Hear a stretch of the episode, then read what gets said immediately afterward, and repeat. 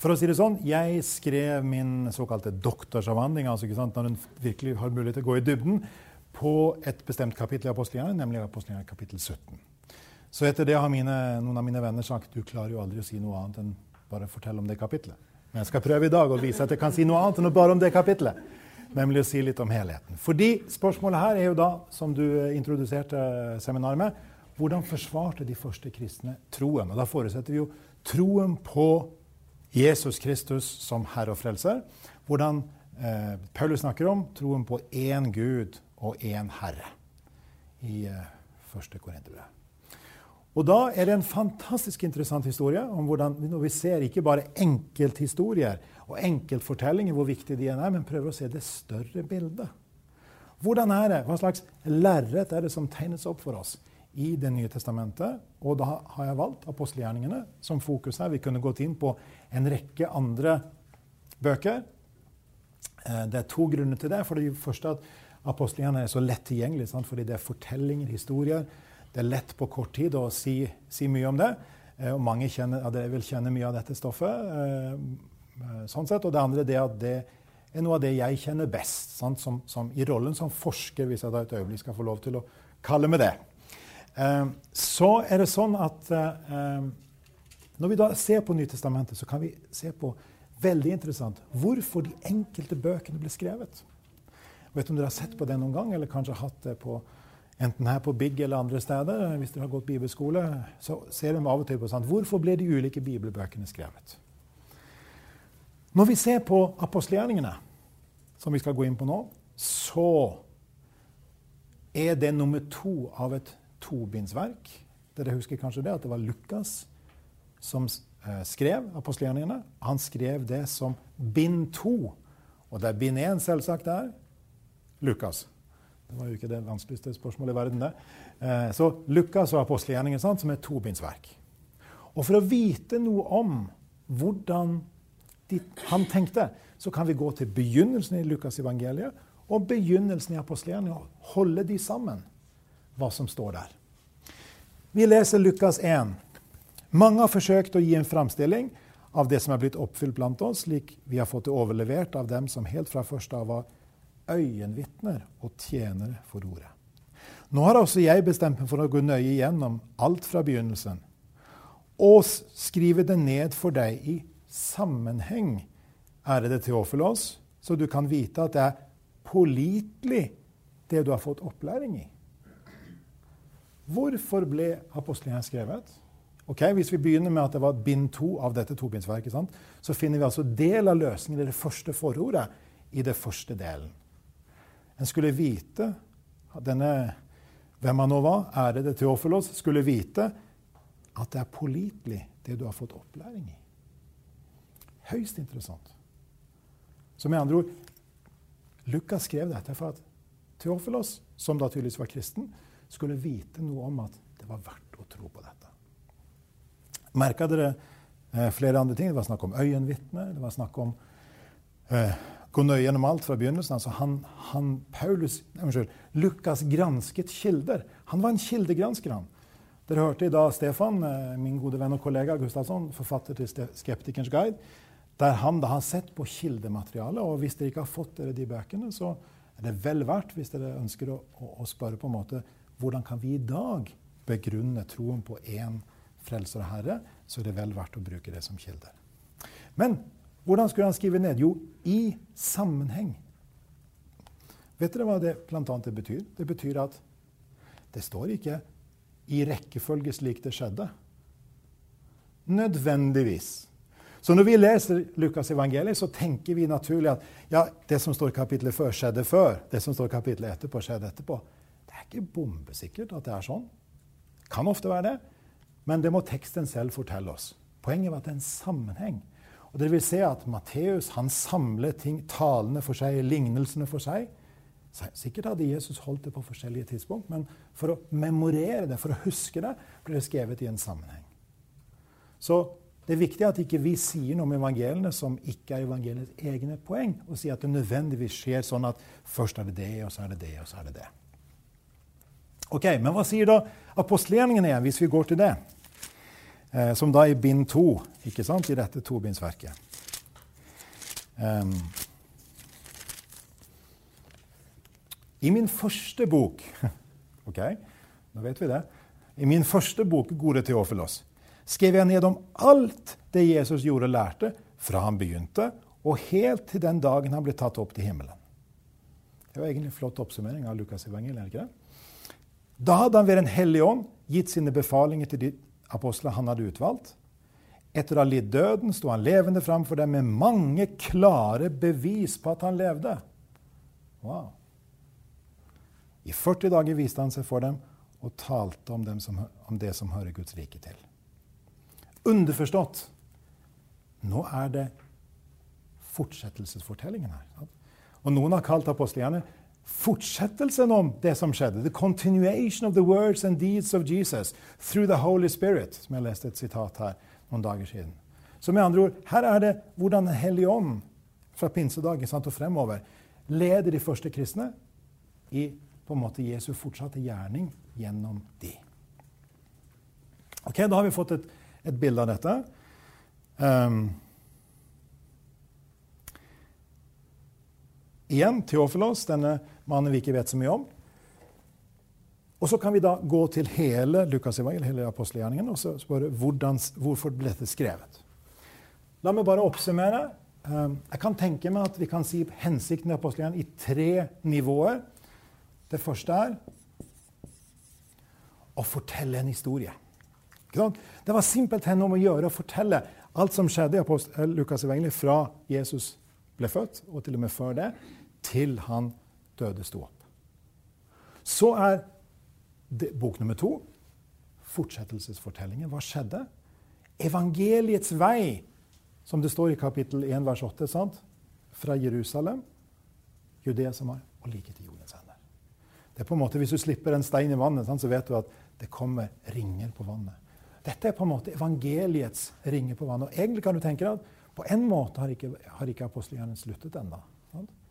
Det er på en måte en slags uavsluttet historie om evangeliets vandring fremover. Så det er fortellingen om Jesus og fortellingen om de første kristne. Men det er mer enn det. Lukas ønsket gjennom dette å formidle noe helt spesielt. Han ønsket å bare for å bruke et enkelt stikkord å forkynne for dem hvem er denne Jesus. Hvem var han?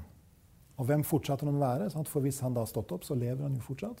Og da er det ikke bare snakk om hvem han var, men hvem han er. Vi finner, F.eks. i apostelgjerningen finner vi en rekke oppsummeringer av de første prekenene, eller talene, rettere sagt, for å bruke mer presist ord, som Peter og Paulus og de andre holdt. Dere vet sikkert det at Når du leser, finner masse ulike sånne korte prekener igjennom. Noen er holdt i synagogen, noen er holdt i, på torget, eller noen er holdt i søyleganger, andre er holdt private hus, og noen er holdt i en havneby, og det ene med det andre.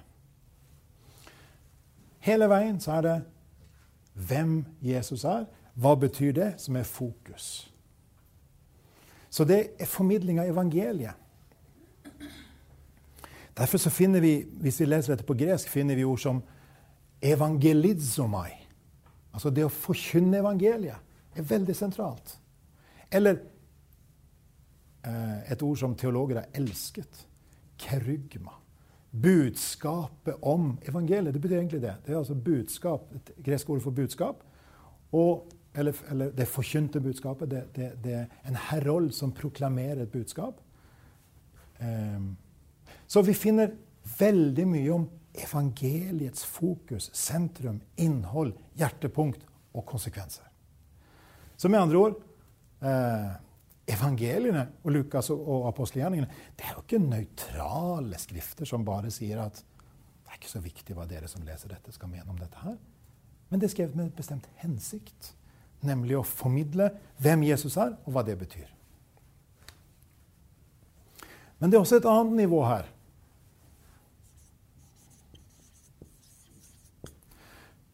Lukas ønsket nemlig å bekrefte bekrefte det faktum at de hadde kommet til tro på Jesus. De hadde ikke valgt feil. Det de hadde valgt, var rett. Deres tro var gyldig. Det var ikke feil valg. Omvendelsen til Jesus var ikke noe som de trengte å angre på. tvert imot. Det var noe som virkelig var det absolutt rette å gjøre. Og tenk dere hvordan det var å leve som blant de første kristne. De var jo en liten minoritet. Sant? De var jo en liten liten skare først, og så vokste det gradvis. Det tok 300 år før det ble en statsreligion. Sant? 300 og, og, og vel så det år. I parentes bemerket her er et, en veldig viktig forskjell i forhold til islam. Jeg håper dere er klar over det. Islam begynte som en nasjonal religion, sant? en statsreligion, der Mohammed var både en nasjonsleder, en politisk leder, en militærleder, en religiøs leder. Det går 300 og 350 år sant, før det er kobling mellom kirke og stat. Så skal vi snakke om kristentroens begynnelse, så er det noe helt annet enn når vi snakker om islam. Sant? For det er noe grunnleggende skille mellom for å bruke de begrepene kirke og stat. Så her finner vi et, et behov for Han legitimerer det de er. Han gir en identitet som kristne. De har en identitet. Det står i apostelgjerningen noen plasser. Det er de som kaltes de som fulgte veien. Husker dere det uttrykket? De, de, de, var, de, kom inn på veien som de skulle vandre. Et fantastisk fint uttrykk det om kristen tro. Veien som en vandrer. Så dette er uhyre sentralt. Og dette jobba jeg mye med når jeg skrev min, min, avhandling. For mitt andre kapittel i avhandlingen fant jeg ut når jeg kikka på den i går igjen, eh, var nemlig om kapittel 17 i rammen av hele apostelgjerningene. Og Det er litt av det materialet jeg deler med dere nå. For det er nemlig spennende at du kan ta ett kapittel, og så kan du se på hvordan det passer inn eller et avsnitt i hele bildet. Og da har vi det andre her, nemlig at Lukas var opptatt av å utruste disiplene. Til å gi dem en utrustning. Til å utruste Teofilos og de andre til å leve som kristne. Og hvordan var livet for de? Hva slags samfunn levde de? Jo, de levde i et samfunn som på mange måter er veldig forskjellig fra oss, men det er også en del likhetspunkt. Et av likhetspunktene er mangfoldet. Det var utrolig mange ulike guder. ikke sant? Eh, det var de romerske gudene, det var de greske gudene, det var guder rundt forbi her og der. ikke sant? Veldig mye. Du hadde keiserdyrkelsen, som dukket frem etter hvert. Der, der keiseren i Roma krevde at en skulle dyrke han som gud, hylle han som gud, tilbe han som gud. Til å begynne med så fikk de kristne lov til å bli regna som en jødisk underavdeling, eller en, sånn for å bruke et historisk begrep, sekt. Vi, når vi bruker det begrepet, da, så er det negativt lada, men, men, den gang det var beskrivelse historisk sett for en mindre gruppe. Okay? De, det var såkalt de, de, på en måte fikk snike seg inn i gåseøyne. Eh, lene seg mot de jødenes rett til å bli unntatt fra keiserdyrkelse.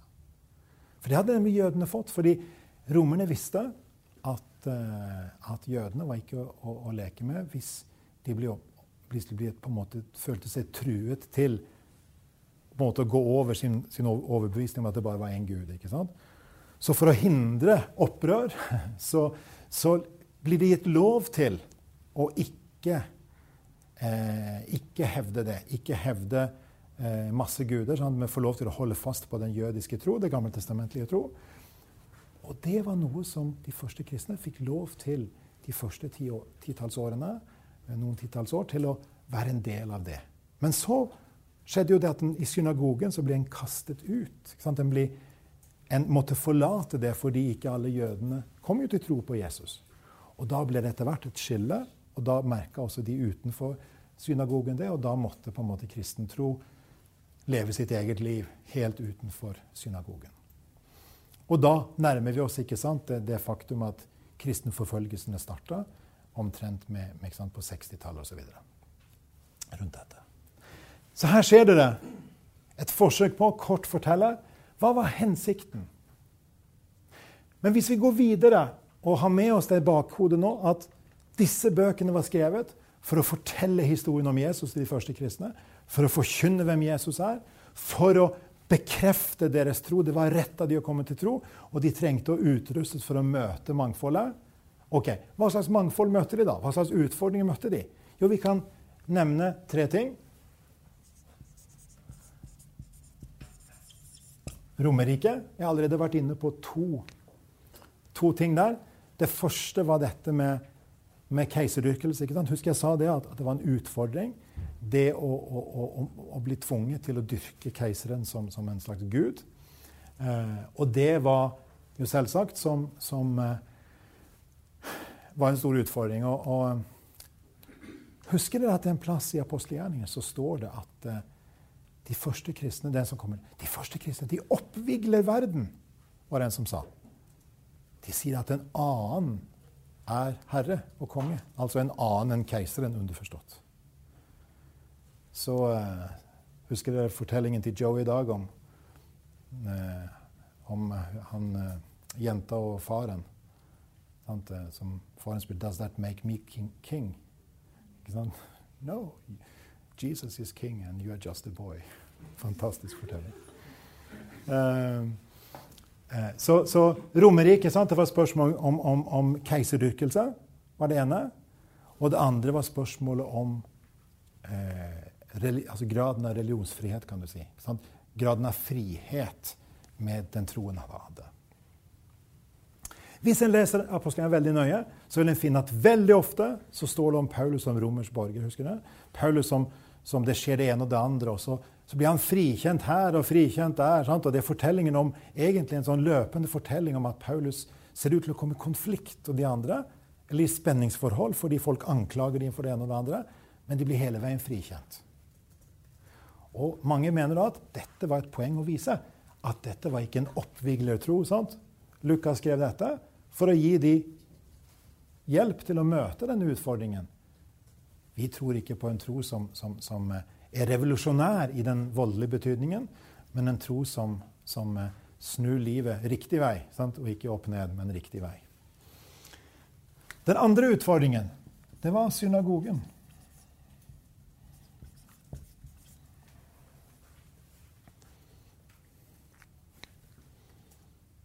Synagogen. Det var jo nemlig slik at Paulus for å ta han da, han gikk alltid først til synagogen.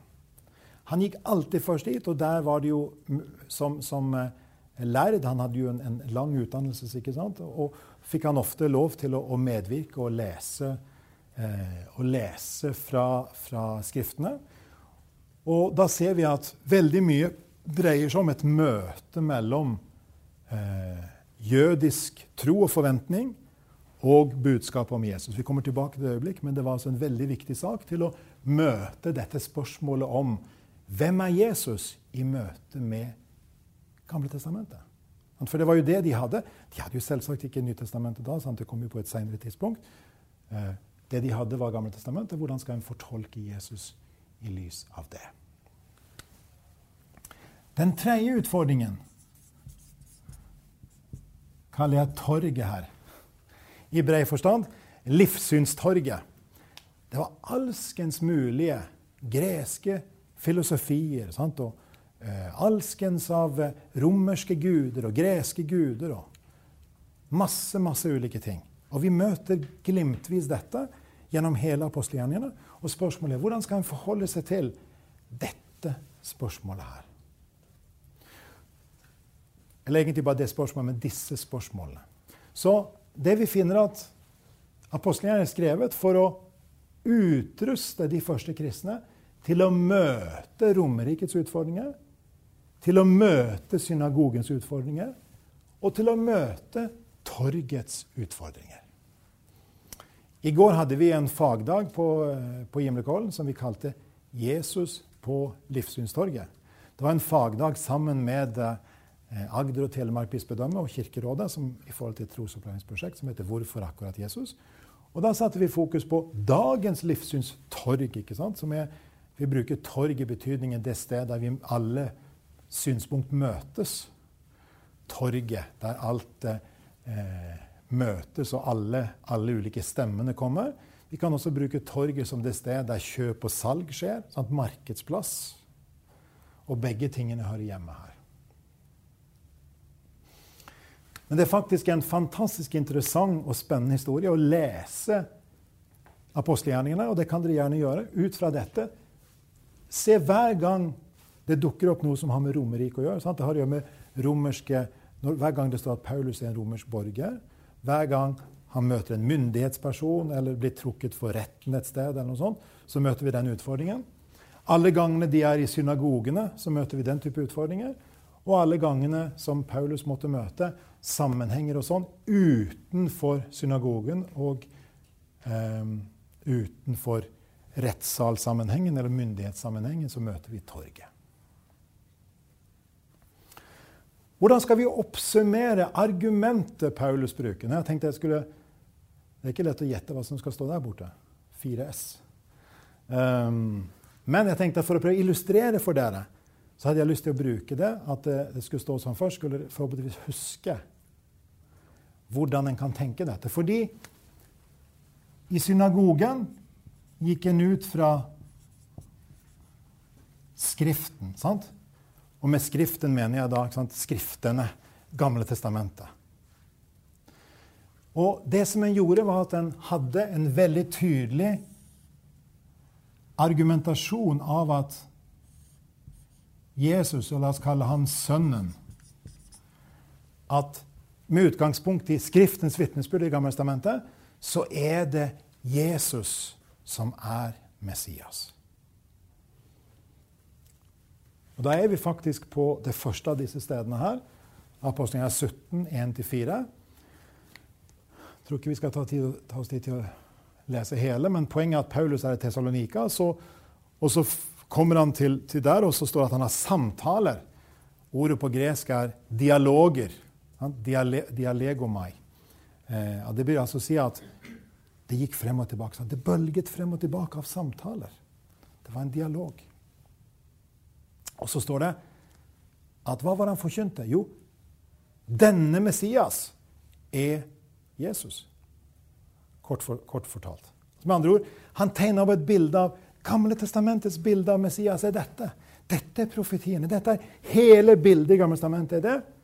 Og så har vi Jesus-historien her. Sjekk. Er, dette, er det match mellom disse to bildene? Denne Messias er Jesus fantastisk eh, når du tenker på det. Hvordan det da blir en formidling av, av eh, Stemmer overens? Er det sånn? Det bildet som Messias bildet fra Gammeltestamentet, stemmer det overens med det bildet som Jesus-fortellingen gir oss? Fortellingen om Jesus Kristus. Ja, sa Paulus, det er en fantastisk overensstemmelse. Men hvordan gjorde Paulus når han møtte folk på torget? tok han da utgangspunkt i Det gamle testamentet? Hadde han noe grunnlag, noe, noe, felles med de som ikke trodde på Jesus? Ikke, unnskyld, ikke trodde på Messias, ikke trodde på Gamle testamentet? Og det er en kjempespennende opplevelse, oppdagelse, at det fantes ting som var felles. Nemlig det å være menneske. Det å leve i den verden vi lever i. Sant? Vi har alle det felles. At vi er mennesker.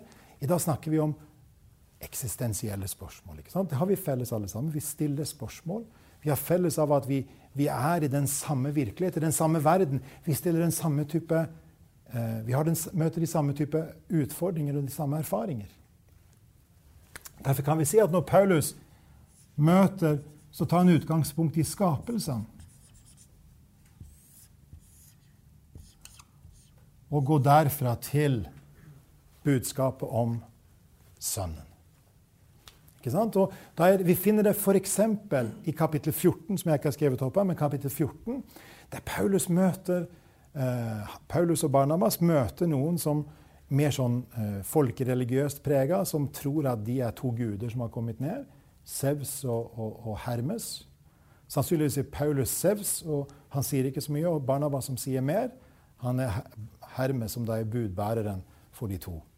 Eh, og så finner vi et eksempel her der de sier det at eh, Vi kan faktisk lese i, i kapittel 14 i apostelgjerningene for å få sammenhengen. Um, Når Paulus er i Lystra, så står det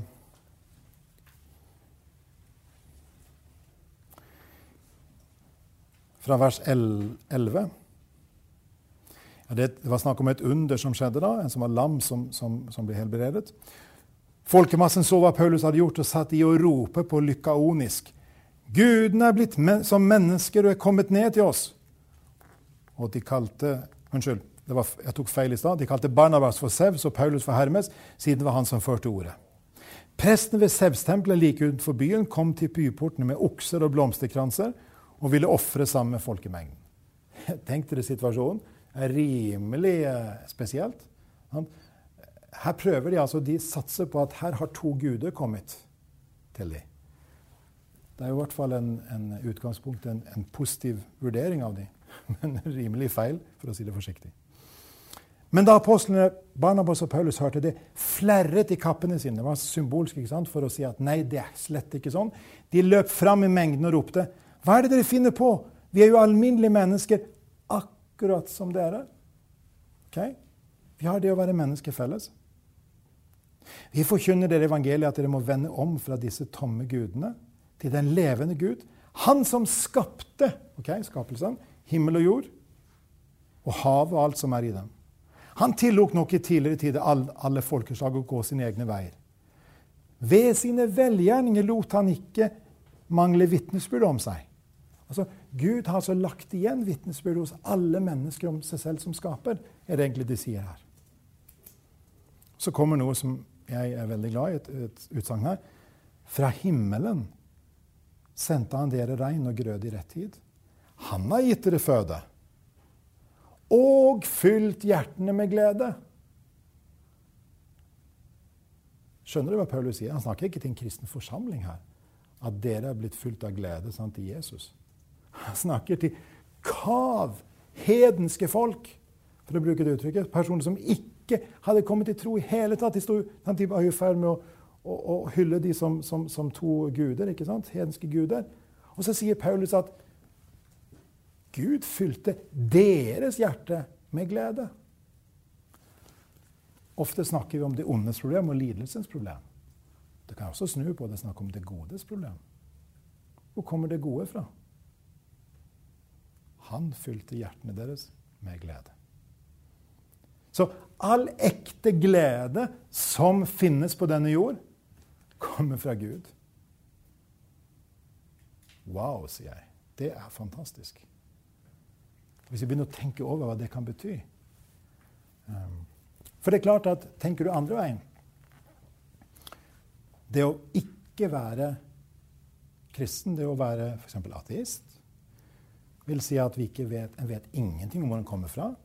Ingenting om hvor den går. sånn at Det er ingen større bilde, ingen større historie som vi setter inn livet vårt i.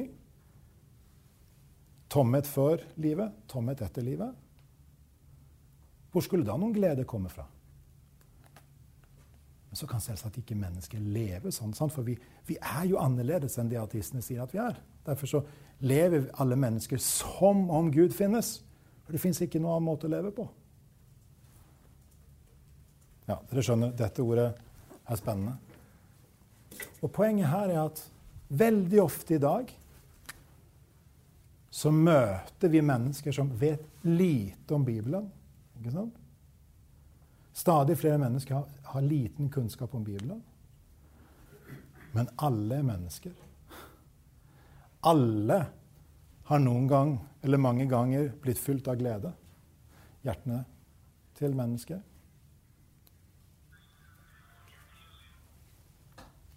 Så uansett hvor langt noen står fra Bibels kunnskap og kristen tro, så har Gud alltid vært der før, for han er skaper. Men dette har vi ofte vanskelig for å tenke sant, og leve som om det.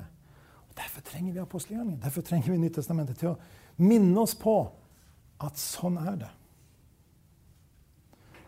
Og selvsagt er teksten i apostelgjerningen 17 den teksten der vi møter det mest, der Paulus tar med seg forsamlingen som er samla. Dette Aropagos-rådet som, som jeg, Hvordan er det med tida? Så at vi Fortsatt. Ja, det kan jo fort snu seg, det. Men det skal sikkert gå bra. Ja. Um, og det Paulus gjør i Apostelgjerningen 17, det er at han begynner med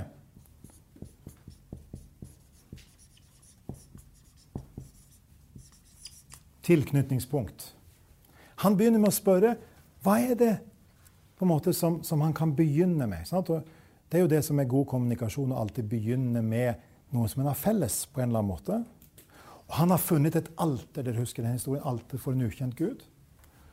Hvis dere har lyst til å, å lese mer om det, så kan dere gå inn på min blogg og lese eh, larsdale.no, Act 17, som der er, har nokså mange ulike varianter på det. Video og lyd og diverse artikler og sånn. Men i hvert fall alteret for en ukjent gud. Og der finner vi at Paulus eh, både sier at aha, tenk så ærlige dere er. Dere anerkjenner uvitenhet. For hvis Gud er ukjent sant? Det er jo sant, det. Den sanne Gud er ukjent for dem. Og han anerkjenner det som positivt. Det ligger en lengsel hos dem etter å kjenne Gud. Det er også positivt. Samtidig så ligger det noe spennende i, i atenernes historie. Fordi noen hundre år før Kristus så, så hadde de erfart en sykdom. Eh, det var noe som skjedde som var dramatisk i byens historie. Og de tenkte nå har gudene rammet oss. Da må vi jo blidgjøre gudene. Og begynte de å ofre til gudene. og sånn, og det ene etter den andre. De visste ikke hvilken gud som, som, var bak, ifølge deres tro. Så kom de på ja, men tenk hvis det er noen gud vi ikke vet om, som står bak dette her. Og så ifølge i hvert fall legenden så bygget de en, et alter for en ukjent gud. Fordi de ønsket å helgardere seg. ikke sant? Du vet, Hvis en én kryss to ikke sant? Den skal helgardere seg. Åndelig, åndelig helgardering eh, var det her. Og derfor Alter for en ukjent gud det har med uvitenhet å gjøre, det har med lengsel å gjøre, men det har også med dom å gjøre.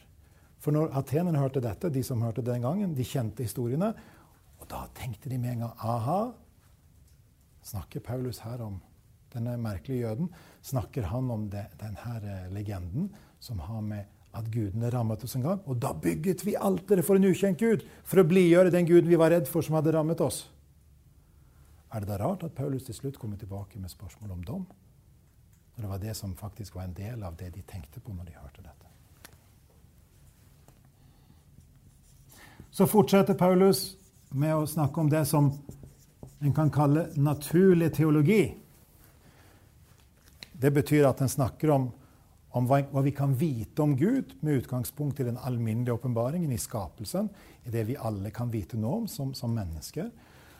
Og Paulus sier at uh, Gud, som dere da aner noe om, han er kommet for å si noe om, og han vet vi hvem han er, for han bor verken i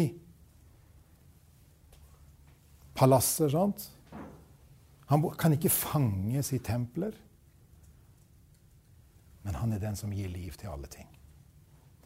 Og Det interessante er at Paulus møter jo to ulike eh, greske skole, filosofiske skoler. Her møter de som kalles stoikere, de som kalles epikurere.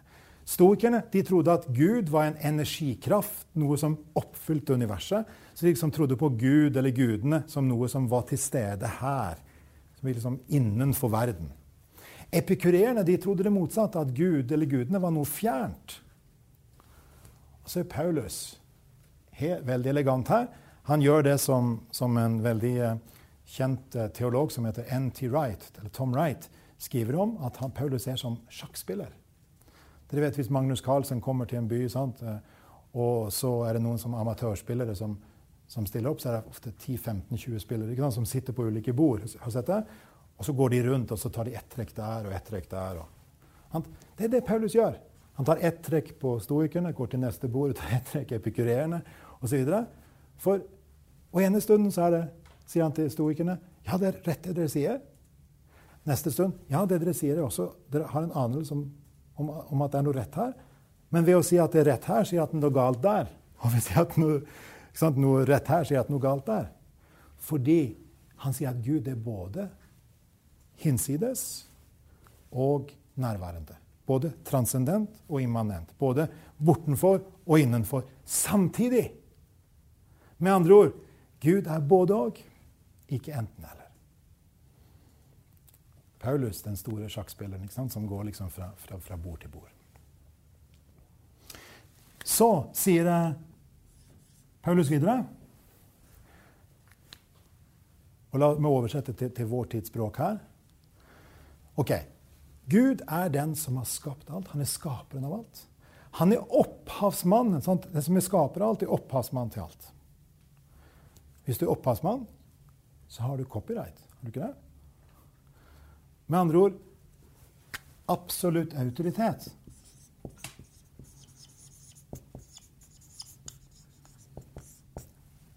Autoritet. Dere vet hva, hva forfatter, ordet, ordet, 'forfatter' heter på engelsk? Ja. Author. Autoritet.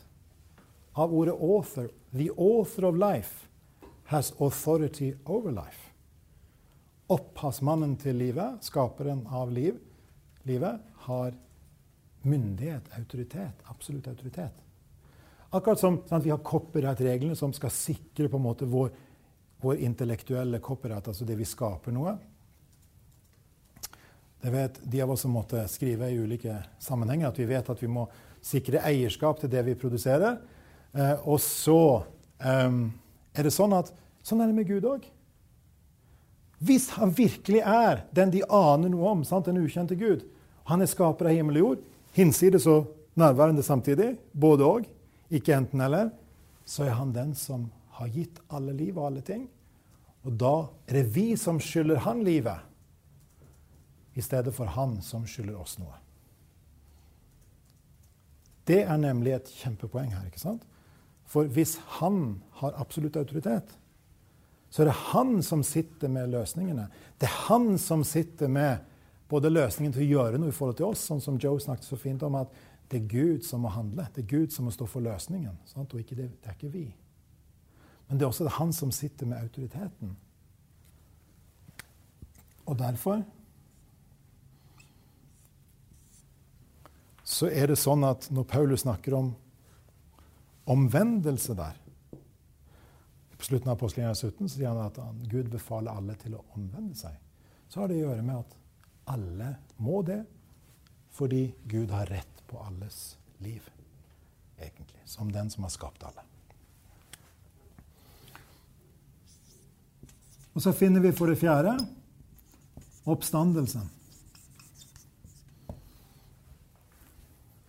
Eller for å si det på en annen måte den ukjente Gud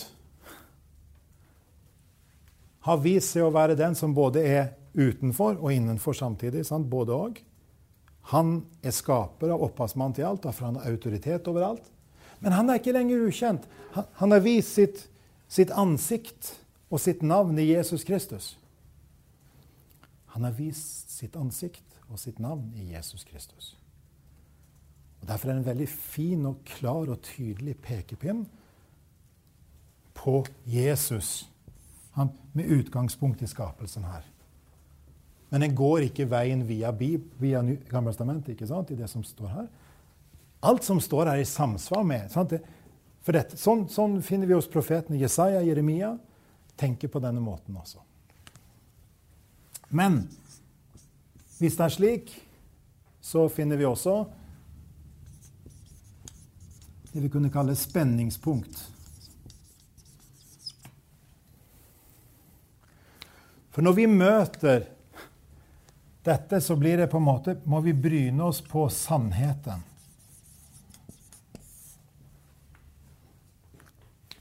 Vi må bryne oss på at noe er sant. Og hva betyr så det for oss?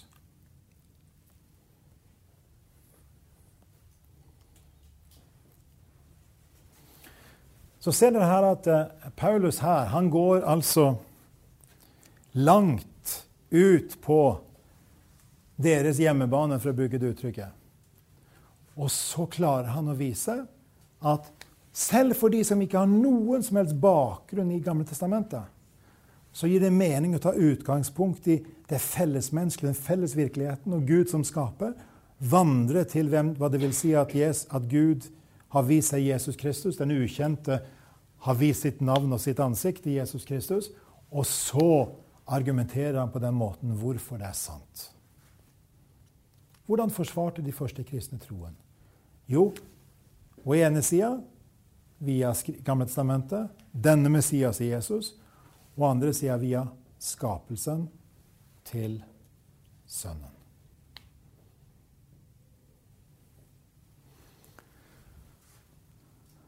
Ja, det var i grunnen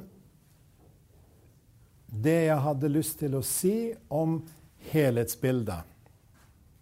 Så har jeg to bibeltekster til.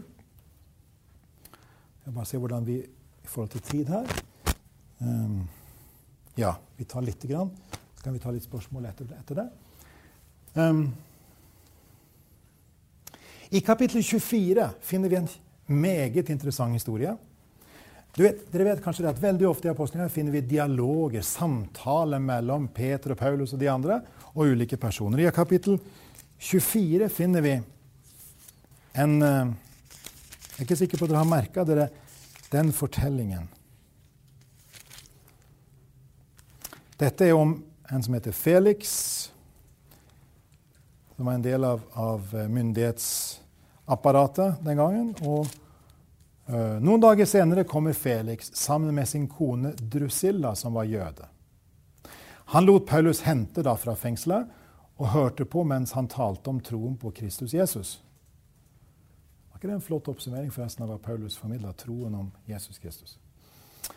Men da han, altså Paulus, talte om Så hør på oppsummeringen av Paulus sin, eh, tal, sin, sin formidling her. Da Paulus talte om rettferdighet, og selvbeherskelse, og om dommen som skal komme, ble Felix skremt og sa, 'Det er nok for i dag. Gå, men eh, når jeg får tid, skal jeg tilkalle deg igjen.' Samtidig håpet han å få penger av Paulus. Derfor sendte han stadig bud etter ham og hadde samtale med ham. Fantastisk realistisk bilde. ikke sant? Liksom der har du øyenvitsfortellingen. Noen har blitt fortalt dette av gode kilder. sant? Lukas har hørt dette. Og så har denne levende fortellingen om hvordan det liksom halvveis korrupsjon sant? Ønsker på en måte å få frem penger her. Og, og så møter vi samtidig et veldig ærlig bilde av, av en, en, dialog. Oppsummeringen var rettferdighet, selvbeherskelse og om dommen som skal komme. Rimelig frimodig av Paulus, vil jeg si, dette her. Fordi rettferdighet. OK. Ja, en som har utlagt denne teksten, taler om at det var så, dette var point of reference. At det var nok sånn at Felix her eh, var opptatt av rettferdighet. Men om han selv var preget av rettferdighet i sitt liv, det er ikke sikkert. Selvbeherskelse det preget i hvert fall ikke hans liv. Han hadde tatt en veldig ung jente til kone, et, som kone nummer jeg vet ikke hvilken nummer. Eh, og han var i hvert fall ikke preget av selvbeherskelse ikke sant? i forhold til, til, moralske spørsmål, i forhold til livet, i forhold til holdninger og hva som preget hans liv. Og så gjør Paulus det hele helt perfekt med å si og om dommen som skal komme, dvs. Si om Guds dom. Det kan ikke være mer utfordrende slik. kan det være. Tale om at det fins noe rettferdig. Underforstått lever du slik? Er ditt liv preget av selvbeherskelse? Og hva med dommen som skal komme? Så Paulus var ikke redd for å utfordre. Sant? Han var ikke redd for å, for å, å, å, eh, gå inn i en dialog som også hadde spenningspunkt ved seg. Og det er faktisk litt fascinerende. Hvis vi møter mennesker med respekt, så mennesker blir bekrefta som medmennesker, og ikke vi har en dømmende holdning, så er det mye vi kan si i gode samtaler, sant? når rommet åpner seg for å kunne dele ting. Så jeg tror at det går veldig mye på grunnleggende holdning hos oss, om mennesker vil lytte til oss. Men tenk at Paulus her faktisk fokuserte på disse tre temaene. Det er nesten så det ikke til å tro, sant? for det var liksom ikke akkurat sånn 'conversation winners'. I utgangspunktet skulle en kunne tenke seg. Og Felix ble skremt. Men følte samtidig en tiltrekning til det hele. Ville ha Paulus tilbake, ikke bare for pengenes skyld, som han håpte på, men også for samtalen. Kapittel 24. Les gjerne det litt med selv. Og, og reflektere over hva det kan bety for oss i forhold til samtaler vi kan få med mennesker som på en måte står langt vekk, kanskje, men samtidig nær oss. Og nær kristen tro. Kapittel 26 det er en av de fortellingene der Paulus deler sin omvendelsesfortelling. Han forteller om hvordan han kom til tro, og hva det innebærer. Og så står det på slutten der, i hans forsvarstale der for kong Agrippa, så står det at um, til denne dag har Gud hjulpet meg, sier Paulus, så jeg har vitnet for høy og lav, og jeg har ikke sagt annet enn det profeten og Messias sa skulle hende, at Messias skulle lide, og at han som den første skulle stå opp fra de døde og forkynne lyset både for sitt eget folk og for hedningefolkene. Da han kom til dette punktet i forsvarstalen, ropte Festus høyt, kolon. Du er fra sans og samling, Paulus. All lærdommen din driver deg fra forstanden. Det var kommentaren. Det er jo litt betryggende at Paulus møtte utfordringer også, er det ikke det? Hvis vi eh, noen ganger syns at vi, vi uh, møter tøffe ting. Her er altså en person som sier du er helt bak, altså du er bak mål. Du er simpelthen crazy. Du må være eh, ikke helt med deg selv i denne fulle fem. sant? Et eller annet har skjedd som gjør at du er mentalt forstyrra. Psykologisk ustabil, eller hva vår, vår, vår språkbruk ville være her. Crazy. You've gone nuts. Hørte du det? Du er fra sans og samling, Paulus. All lærdommen din driver deg fra forstanden. Men kjære venner, hvordan svarer Paulus på den utfordringen? Svarer han ja, jeg har min tro, og du har din tro. Men vi kan ikke gi noen begrunnelse for dette. Så sett fra ditt perspektiv er jeg nok helt nuts. Og der, that's all we can say. And thank you and goodbye. Eller hva sier han for noe? Det er faktisk veldig interessant. Så les gjerne dette. For han begynner med å si Paulus svarte 'Jeg er ikke fra forstanden'. Altså, han vil bekrefte. Og husk at Paulus var høyt skolert i talekunst, som retoriker, som offentlig taler. Han visste på en måte hvordan han skulle uttrykke seg, for å si det forsiktig. Jeg er eh, ikke fra forstand ærede Festus, han er høflig. For alt jeg sier, er sant og vel gjennomtenkt. Veritas, sant? det er sant. Og vel gjennomtenkt. Ordet som brukes, er logikos. Det er logisk. Det jeg sier, henger sammen. Det er en indre sammenheng. Det er det første Paulus sier. Så neste gang du møter denne utfordringen, noen syns at det å tro på noen som er oppstått, f.eks. Å tro på en himmel, tro på et evig liv, så kan du si, hvis du da har tenkt over det, i hvert fall, kan du si dette er sant og vel gjennomtenkt. Skal ikke være flaue for å si det. Det er utrolig flott å lese. det. Ord for ord er det det som Paulus sier her. Og så henvender han seg til den andre, det som han egentlig taler til. For dette var jo en landshøvding som brøt inn i det hele og syntes dette gikk over stokk og stein. Så sier han kongen altså Agrippa kjenner til dette, sier Paulus. Alt dette. Og til ham taler jeg rett ut. Er ikke det interessant? Til den som er åpen, så taler Paulus rett ut. Husker du at Jesus snakket om lignelsen? Han, han ville ikke at alle skulle uten videre lese, lese og forstå lignelsene. Hadde å gjøre med holdningen inni oss. Sant? At ofte kan det være som om vi åpner oss eller låser oss i møte med fortellingen. Til ham taler jeg rett ut. Jeg er overbevist om at ikke noe av dette er gått ham forbi. Det er jo ikke skjedd i en avkrok. Underforstått, det som skjedde med Jesus, er ikke skjedd borti et hjørne. Det skjedde i Jerusalem. Kom igjen, folkens. Det har skjedd på historiens skueplass. Det fins mange øyenvitner. Det er jo det som ligger bak dette. sant? Det er jo en oppsummering av hva Paulus sa. dette, sant? Kortformuleringene. Dette har jo ikke skjedd utenfor historien. Det har skjedd i historien. Mange øyenvitner. Og Paulus var en av de som møtte de som hadde møtt Jesus, ikke sant? Som, som trodde. Så fortsetter han. Tror du på profetene, kong Agrippa? Husker du? Denne Messias er Jesus. husker du? Tror du på profetene? Jeg vet at du tror. Hva svarer kong Agrippa? Fantastisk. Agrippa sa til Paulus, det er like før du får overtalt meg til å bli en kristen. For det, i det øyeblikket så fremgår det her av teksten at Agrippa han kjenner på en måte den magnetiske kraften sant, som trekker han til budskapet om Jesus. Sant? Det er på en måte som en magnetisk kraft som trekker han i retning av det.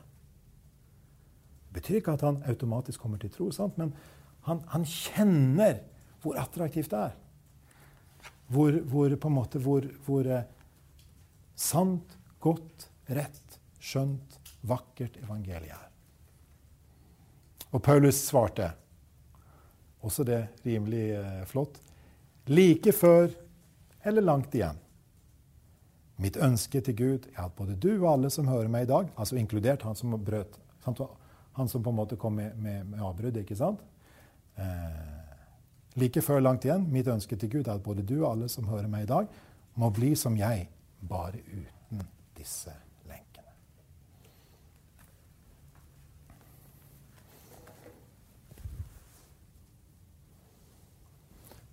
Ok, Skal vi ta ett minutts filosofihistorie i forhold til denne teksten her?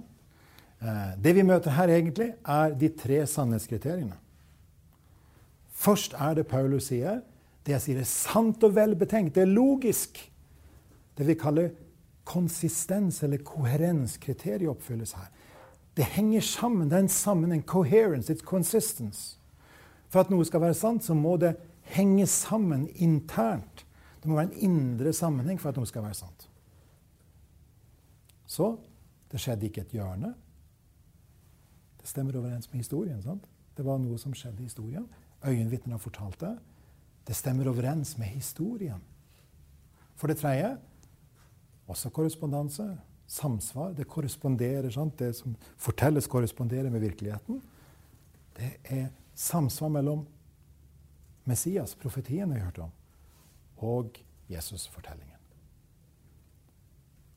Så det er konsistent, koherenskriteriet fullt oppfylt. Det er samsvar mellom det som fortelles av virkeligheten, korrespondansekriteriet oppfylt. Også det lite mangler at du blir kristen. sant? Du overbeviser om at du blir kristen. Så det pragmatiske, det praktiske kriteriet om at evangeliet sant? Tre bærer god frukt. Jesus sa jo det. sant? Et godt tre bærer god frukt. Så hvis vi ser hvordan ting er, eh, skal vi også dømme det ut fra hvordan tingene virker. Anvendelsen. Eh, så det pragmatiske kriteriet er oppfylt. Dette fungerer. Jeg er veldig glad i den historien, som dere kanskje skjønner. fordi, fordi her møter vi så utrolig hverdagslig nært og dypt samtidig hva det vil si at kristen tro er sann.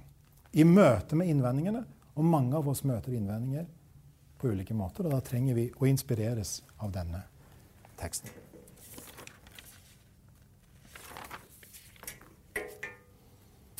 Ja, det var det jeg hadde på hjertet til å dele med dere.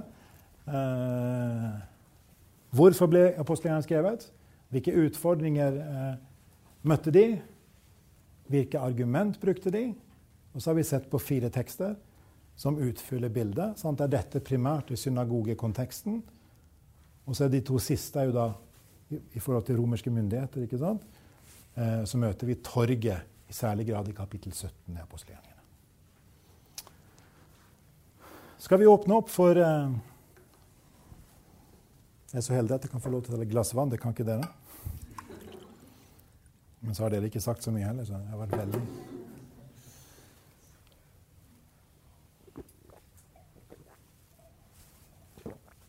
Gikk ned på høykant.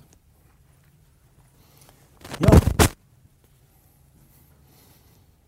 Vi har til kvart over, så vi har en 20 minutter til uh, samtale og spørsmål hvis dere ønsker.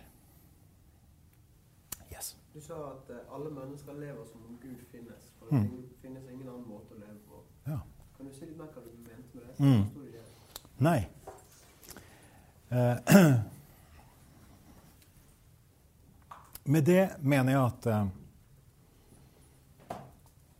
når vi snakker om altså det være, Med det å være menneske betyr å leve i relasjon ta, Eksemplifisere nå. Ta et eksempel her.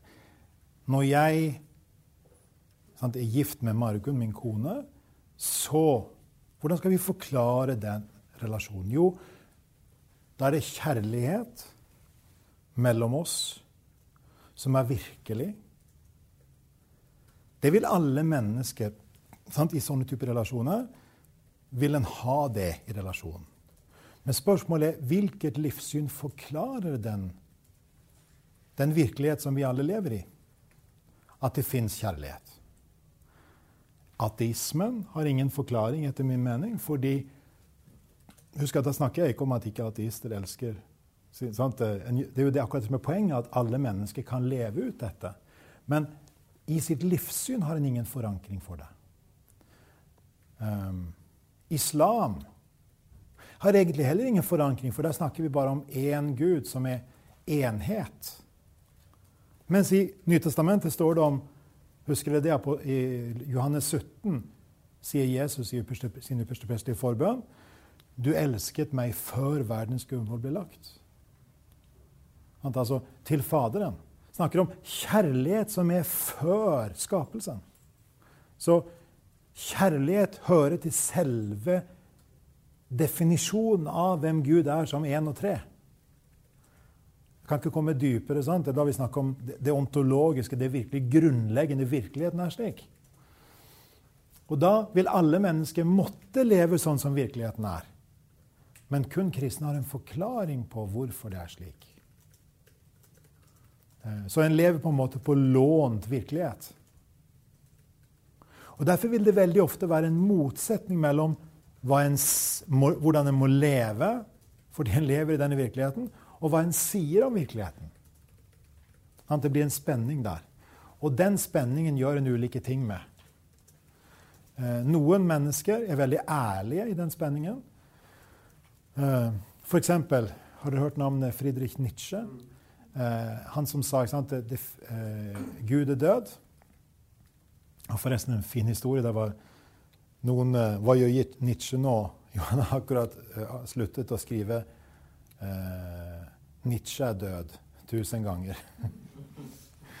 eh, så, så, så poenget, poenget, er da at, at eh, Nietzsche sant, han sa jo det at, det at, hvis Gud er død, hvilket han var overbevist om, tydeligvis Selv om vi finner det altså Han vandret ikke sant, både sånn i psykisk helse og i overbevisninger, men han, han var veldig ærlig ut fra sin ateisme. Og så sa han da ja, men da fins jo heller ikke noen mening i menneskelivet. Altså, så, så, han levde liksom veldig prøvde å være veldig konsekvent ut fra sin ateisme. Dersom Gud ikke er til, så er dypest sett mennesket ikke til som menneske skapt i Guds bilde. Det som er igjen, er noe annet, på en måte. Men selv han måtte leve ikke sant? som om. Og når han prøvde å leve på en annen måte, så vandra han liksom inn og ut av, av, av sinnssykehus osv. Så, har du den andre, så det er uh, the dilemma pole, som, som, som Osginis og andre snakker om. Den andre motsatte er the diversion pole. At en nekter å se dette i øynene, denne konflikten, men finner all slags eh, menings, prøver å finne meningen andre steder. Så en prøver liksom adspredelsen i stedet for å møte dilemmaet.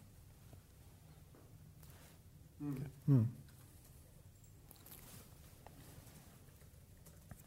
Men dette har ikke vi snakket mye om i kristen sammenheng. Uh, den som nok har utvikla dette altså De som har utvikla dette mest, så vidt jeg vet, det er eh, Francis Schaefer, som starta labribevegelsen. I, i, i, eh, han skriver mye om dette.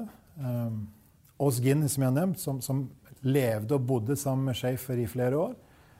Så Oz skriver om dette i en rekke bøker, bl.a. den siste boka som heter 'Dårers tale'.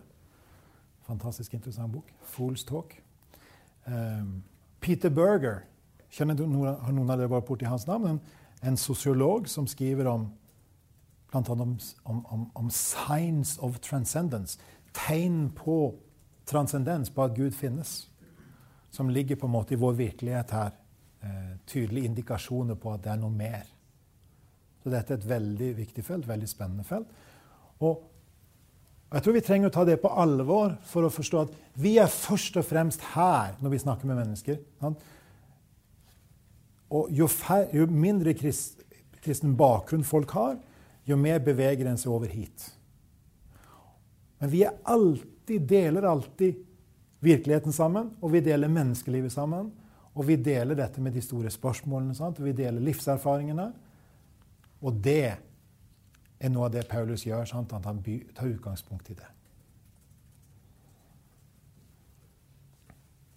Ja. Andre refleksjoner, spørsmål, tanker, innvendinger, undringer eller andre alternativ? Har dere vært borti noe av dette før? Litt av det, men kanskje ikke alt. Du har snakka litt om eh, argumentasjonen og til de første kristne. og Skarskjellen han skriver en del om det med jødekristnes eh, argumentasjon og argumentere ut Skriftene og at Jesus er Messias. og mm -hmm men Han skriver om den ja. Relasjonen der, ja? Jeg føler at han bommer litt når han, som du kan bekrefte deg på det, at han sier at den, den uh, treenighetsargumentasjonen at den kommer først litt siden. Men jeg føler at den er så tydelig hos Paulus òg. Altså, eller indirekte så sier i hvert fall Paulus at, han, at Jesus er Gud, men mm. vil du si at det er en del av eller er det kun en del av dogmatikken hans? Måtte jeg, ja, jeg, eh, egentlig var det mange ting der du sa. Um, for det første vil jeg være nølende til å, uten å vite det, si, hevde at noe av det Oskar Skarsen har sagt, er galt. Eh, eh, fordi han er en ufattelig lærd person eh, som har veldig mye å bringe. Så, så eh, men det er klart, det formuleres på litt ulike måter. En kan være enig eller uenig i en del ting.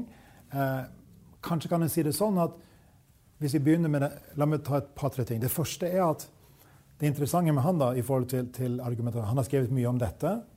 Men han har også skrevet mye om dette. Om Justin Martyr sin argumentasjon. og Det var ikke det du sa nå, men jeg bare nevner det, at, at han har gjort det. Så det, det kunne en tatt som en annen tråd. Men tilbake til det med Gud som treenig. Jeg vet ikke om dere er vant til å tenke om hvordan vitenskap virker, og f.eks. naturvitenskap, men da er det jo slik at når vi Da er det jo virkeligheten er viktigere enn vår tolkning av virkeligheten. Og det liker jeg ofte å tenke som utgangspunkt her, at, at faktaene kommer foran tolkningen. Og hvis det er sånn at da, som vi er overbevist om som kristne, at Gud er både Far, Sønn og Hellig Ånd, så har Gud alltid vært det. Da var Gud det før verden ble skapt, mens verden ble skapt, i hele historien, mens Nytestamentet, hendelsene der skrives, osv. Og, så og vil alltid være slik. Men det er jo ikke sikkert at vi har grepet dette like tydelig. Og at, og at, Gud tenker at vi trenger gradvis å åpenbares for dette. At dette er noe som, som når en kommer ut fra en jødisk tradisjon om Gud som altså, Avgudstanken avvises så veldig fort. Sant? Og tenker på at en skulle si noe annet enn at Gud var Gud, kan være veldig utfordrende å formidle i en sånn setting. Så jeg kan, kan, jo tenke meg at her er det en behov for at det vokste frem noe. Og det som jeg tror vokser frem, hvis du ser nytestamentlig materiale, er veldig interessant. og jeg tror det både har med argumentasjon og med dogmatikk å gjøre, for min del. Eh, som det var det du spurte om.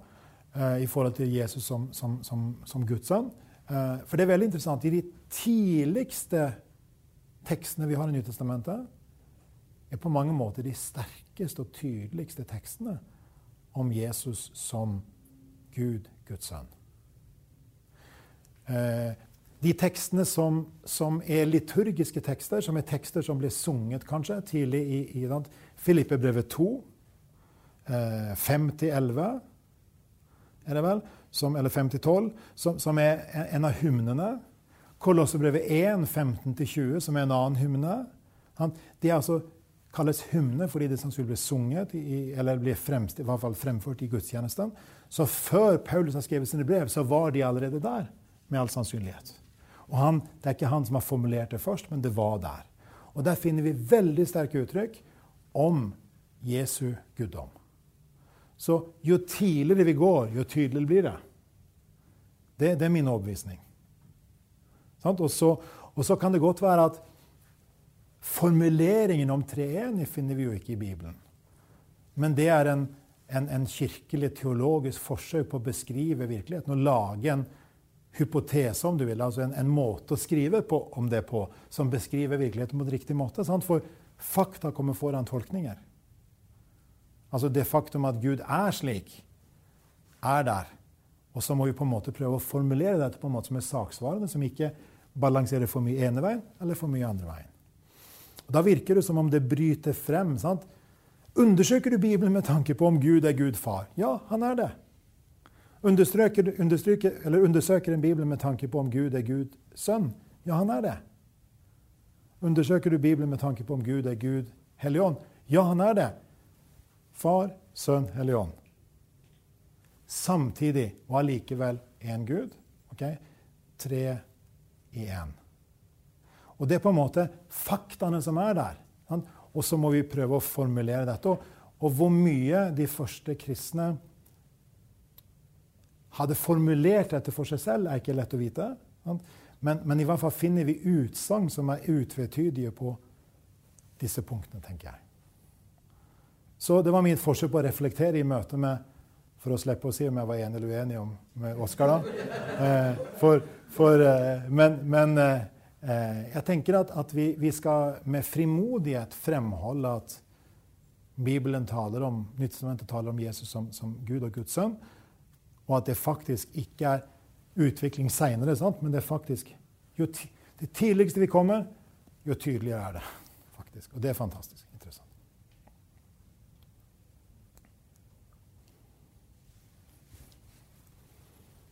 Der borte la jeg klokka.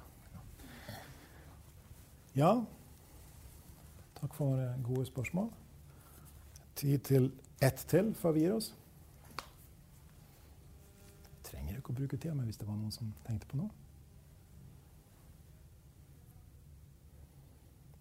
Mens dere tenker, kan jeg bare si at jeg håper dere tar med dere litt av disse tankene. Um, at når du leser apostelgjerningene, tenk på hvorfor det blir skrevet. Det er veldig nyttig, sant? for da får vi hjelp til å sette det i riktig sammenheng. Og at det bekrefter også at den, det valg og den tro du har tatt, og, det valg du har tatt og den tro du har på Jesus Kristus, bekreftes i det du leser. Og du utrustes til å møte dagens livssynstorg. Og der er det veldig ofte den veien vi må prøve å øve oss i å gå. Skjønner du bildet? At det er noe av det som, som er noe av eh, det spennende og det utfordrende i dette. Da tror jeg vi avrunder med å be sammen litt. Kan jo uh, applaudere Gud. Gud, ja. um, kjære himmelske Far, takk for at vi får komme frem for deg i bønn, og du har skapt oss på en underfull måte. Takk for at vi har fått være sammen om nå, at du møter oss i vår hverdag og viser at eh, det er fra deg vi har fått livet. Så vi, så bøyer vi oss for deg som skaper. Vi bøyer oss for deg som vår opprettholder. Og vi bøyer oss for deg som vår gjenløser og vår frelser. Vi ber om at det vi har vært sammen om nå, må være til inspirasjon, til nytte, til velsignelse, til utfordring for oss alle. Velsign hver enkelt av oss i det vi prøver å leve i hverdagen som i troen på deg og din egen sønn, vår Herre Jesus Kristus. Gode Hellige Ånd, vi ber om at du fyller oss med din kraft, din visdom og din nåde i møte med de mennesker vi skal omgås i den kommende uken og dagene videre. I Jesu navn. Amen. Amen.